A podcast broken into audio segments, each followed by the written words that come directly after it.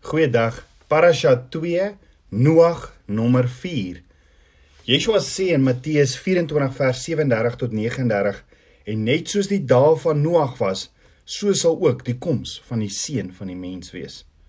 Want net soos hulle was in die dae voor die sonnevloed, toe hulle geëet en gedrink het, getrou en in die huwelik uitgegee het, tot op die dag dat Noag in die ark gegaan het en dit nie verstaan het voordat die sonnevloed gekom en almal weggevoer het nie.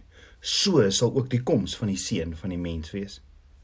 Met ander woorde, soos nie dae van Noag, so sal die dae wees voor ons bruidegom Yeshua kom om ons te haal. So hoe was die dae waarin Noag geleef het? Genesis 6 vers 11 tot 12 sê, maar die aarde was verdorwe voor die aangesig van God en die aarde was vol geweld. Toe sien God die aarde aan en dit was verdorwe want alle vlees het sy wandel op die aarde verderwe. Met ander woorde, Abba Vader maak 'n kort opsomming van die toestand van sy skepping net 10 geslagte na sy volmaakte skepping en sê die aarde was korrup, vol van geweld en almal het weggedraai van sy weë. So Abba Vader leer ons drie goed oor hoe die aarde gelyk het in die tyd van Noag en dalk kan jy identifiseer. Dalk kan ons identifiseer in vandag se tyd.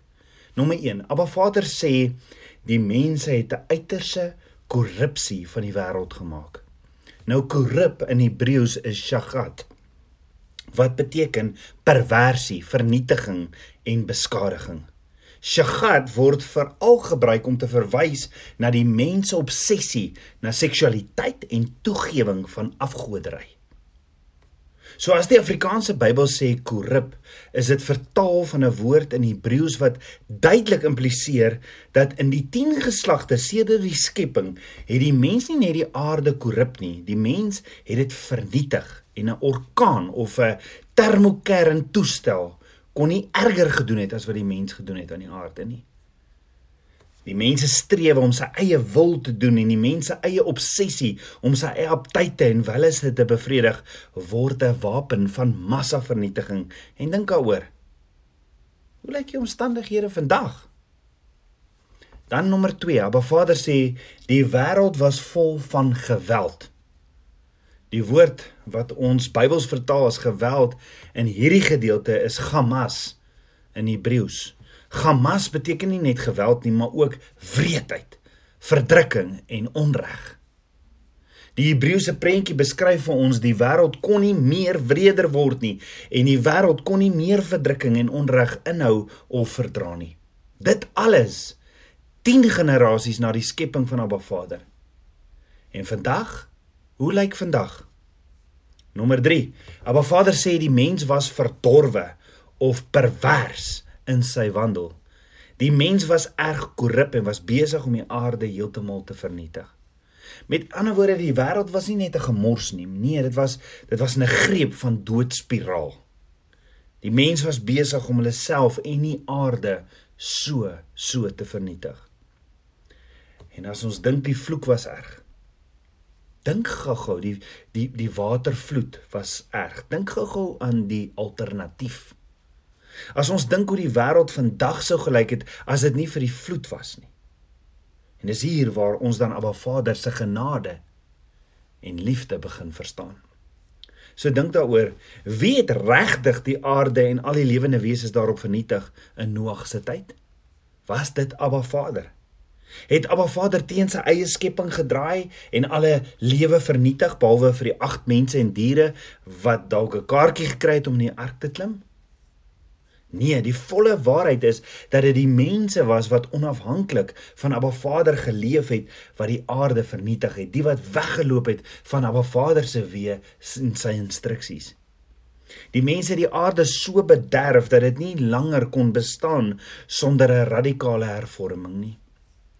Die volle waarheid is is dat die ingryping van Abba Vader 'n daad van genade was. Dit was 'n pynlike ingryping, maar 'n heavy, noodsaaklike chirurgie wat die wêreld en die mense enigste hoop op oorlewing was. Verstaan jy? As dit nie vir die vloed was nie, sou daar vandag geen lewe gewees het nie.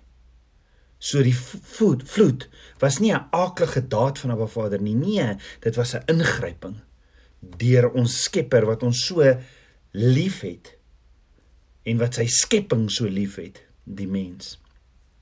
Noag gee totale oorneem en daar vind 'n goddelike afspraak, 'n divine appointment plaas tussen Abba Vader en Noag. Nou ons moet weet en verstaan, Abba Vader is nie afsydig nie en hy kruip nie vir my en jou weg nie. Nee, as jy Abba Vader se woord bestudeer, kom jy agter, Abba Vader roep my en jou met 'n passie nader aan hom. Hy roep ons na intimiteit, om 'n intimiteitsverhouding met hom te hê. Sy hartsbegeerte is dat ons terugkeer na hom toe. Maar Vader se grootste hartsbegeerte is jy. Hy soek 'n kommunikasie en interaksie met my en met jou elke dag op die amazingste wonderlikste wyse. Hy sê hy kan nie in die oggend wag om jou stem te hoor nie. Jy sien reg deur die woord sien ons goddelike ontmoetings wat gelei het tot lewensveranderde gevolge. Die vraag is, is jy reg vir so 'n ontmoeting met Abba Vader? Wat as Abba Vader vanaand so 'n ontmoeting met jou het? Of môreoggend so 'n ontmoeting met jou het? So hoekom nie hom soek, hom nader en homself en jouself beskikbaar stel vir 'n ontmoeting met hom nie? Jy sien Abba Vader is soewerein. Hy hy en hy alleen sal op sy soewereine wyse besluit wanneer, waar en hoe hy homself gaan openbaar en met jou praat. Nou vir so 'n ontmoeting met hom moet ons voorberei deur onsself nederig oor te gee aan hom om sy wil te doen. Ons moet ons eie opinies, ons godsdiens, ons reputasie, ons prioriteite, teologie en doktrines neerlê en net vertrou op hom. Hoor gou-gou tabernakelskind van Abba. Abba Vader het 'n goddelike ontmoeting en waarskynlik 'n reeks daarvan in gedagte vir jou op sy bepaalde tyd. Wanneer hy egter met my en jou ontmoet, moet niks in ons pad staan nie. Ons trek ons skoene uit. Ons buig voor hom neer. Gryp die soem van sy kleed aan en los nie tot sy wil, sy droom in ons volmaak is nie. Noag het so goddelike afspraak gehad en Abba Vader soos altyd hierdie afspraak geïnisieer. Abba Vader sê vir Noag in Genesis 6 vers 13: "Die einde van alle vlees het volgens my besluit gekom, want die aarde is deur hulle vervul met geweld. En kyk, ek gaan hulle saam met die aarde verdelg. Maak vir jou 'n ark van goferhout. Met afdelings moet jy die ark maak en dit binne en buite met pik bestryk." Maar Vader sê verder in vers 17, want kyk ek bringe watervloed oor die aarde om van onder die hemel te verdelg alle vlees waar 'n lewensgees in is. Alles wat op die aarde is sal wegsterwe. So kan jy jouself indink. Kan jy vir 'n oomblik indink, Abba Vader, deel al hierdie inligting met jou. Wat sal jy doen? Want onthou, Abba Vader deel dit met Noag en Noag kon dit nie met 'n geestelike leier of 'n ander mens gaan bespreek en vra hoorie het ek reg gehoor nie. Teologie of eie opinies sou Noag niks in die saak gebring het nie. Inteendeel enige menseraad of opinie sou net eenvoudig nie saak gemaak het nie. Moenie my verkeerd verstaan nie. Daar is wel tye wanneer ons advies en raadgewing moet indien, maar 'n ware goddelike ontmoeting soos wat Noag gehad het, maak alle sekondêre bronne irrelevant. Jy sien 'n goddelike ontmoeting is die grondslag van alle geestelike openbarings. En hoor gou-gou, die struktuur of die vereiste vir so 'n openbaring is verbond. Hoor wat sê Abba Vader vir Noag in Genesis 6 vers 18, maar met jou sal ek my verbond oprig. Jy sien Abba Vader kom nie net om te gesels of om eers jou besigheid te seën nie. Nee, Abba Vader kom om ons te ontmoet. En wanneer hy kom, is dit om iets veel meer blywend en betekenisvol te doen. Hy kom met 'n verbond na my en jou toe. En hierdie vyand nie net gekom in verbond so, so kom af water nie. Maar Vader is ernstig oor verbond en as ons dit nie verstaan nie, as ook as ons nie begryp wat is die asemrowende gevolge van hierdie waarheid oor verbond nie, is ons so so ver verlore. Ons mis dan big time uit. Abba Vader is 'n God van verhouding. maar ook 'n God van verbond. So wat is die verskil tussen 'n kontrak en 'n verbond? Ja, verbond en kontrak is verskillend want in 'n kontrak gee jy iets wat jy het. In 'n verbond gee jy jouself. En dis presies wat Yeshua kom doen het aan die kruis op Golgotha, toe hy gesê het, "But I will give myself." Nogtans nie my wil nie, Vader, maar U wil.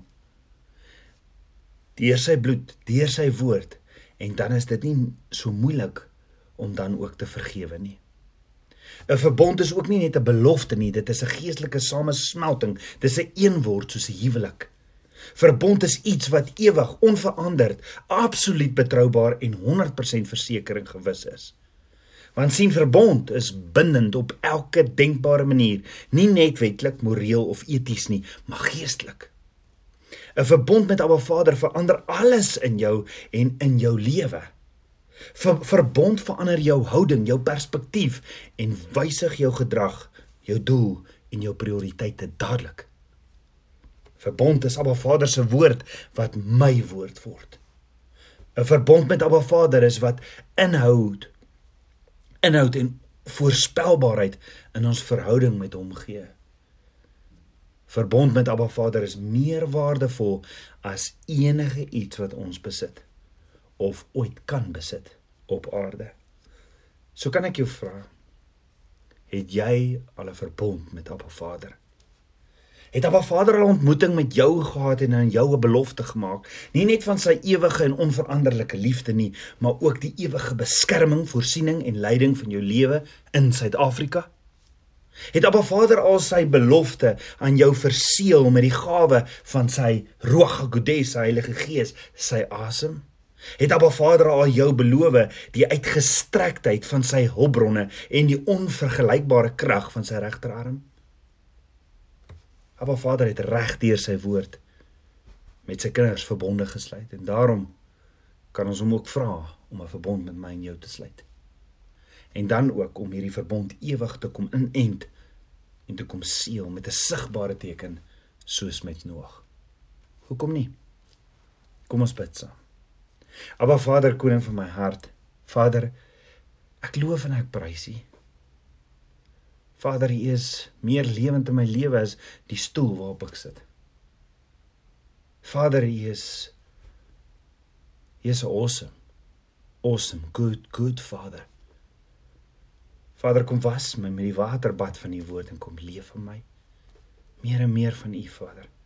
Vader, leer my van U geheimenisse, U verborgde manna want op u woord wil ek 'n ark bou, Vader.